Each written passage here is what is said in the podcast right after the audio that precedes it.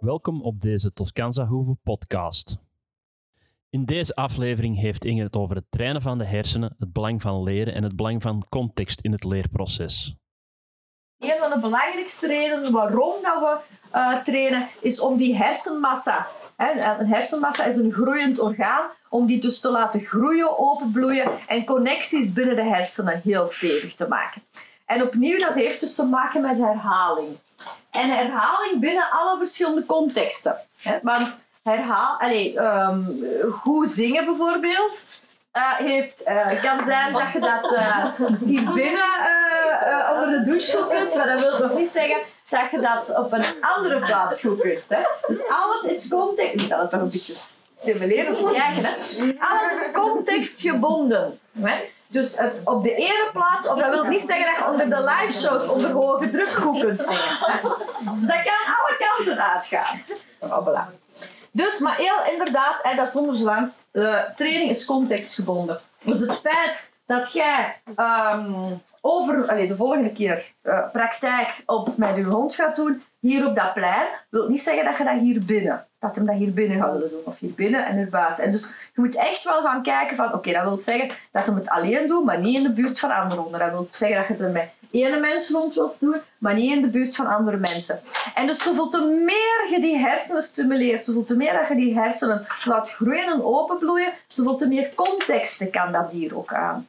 Want dat gaat dan zelf die al, veralgemening gaan maken. Gaat zelf die contexten met elkaar linken. En dan moeten die niet zo heel veel trainen. dus dieren die moeilijk hebben en moeilijker gaan aanleren, moeten echt elke plaats opnieuw heel veel Latijn en energie insteken. Maar dieren die een open geest hebben, open mind, een sterk ontwikkeld verstand, zal ik het maar even zeggen, die gaan zelf linken leggen en moeten niet zoveel energie meer insteken om elke context opnieuw gaan aan te leren. Dus je hebt er echt alle baat bij om met je dier heel concreet oefeningen te doen. Maar niet alleen je dieren, mensen. Wij zijn ook een dier en ons hersenen leren ook elke dag bij. Dus hoeveel te meer dat jij in gewoontes vervalt en zo weinig dat jij nieuwe dingen leert, hoeveel te afgestompter of kleiner letterlijk je hersenen worden en hoeveel kleiner je context wordt.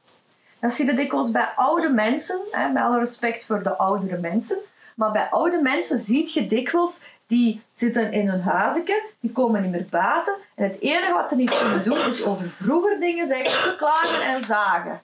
Want die hebben niks meer van hun... Allez, die, die, die hun, hersenen zijn gewoon een beetje gekrompen, letterlijk. En die kunnen niks meer anders zien dan omdat ze dat niet meer kunnen. En dat heeft niks te maken met dat, dat dat geen lieve mensen meer zijn, of dat dat geen toffe mensen meer zijn, of wat die niet zouden kunnen leren. Maar het heeft te maken met het feit dat hun hersenen die verbindingen niet meer kunnen maken, omdat die niet meer getraind worden.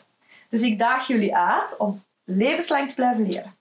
Leren mensen is daarom ook een permanente verandering van het gedrag, waar een specifieke prikkel en reactie bij betrokken is, die voortvloeit uit eerdere ervaring met of soortgelijke prikkels of reacties. Een kortstondige verandering is dus geen leren. Deze tijdelijke veranderingen kunnen ontstaan onder invloed van vermoeidheid, honger, dorst, hormonen. Maar we gaan echt gaan op zoek gaan naar die connectie in die hersenen. Dat linkje in hersenen, dat lange tijd uh, zal blijven bestaan en dat altijd kan ingezet worden. Daar gaan we naartoe en dat is leren.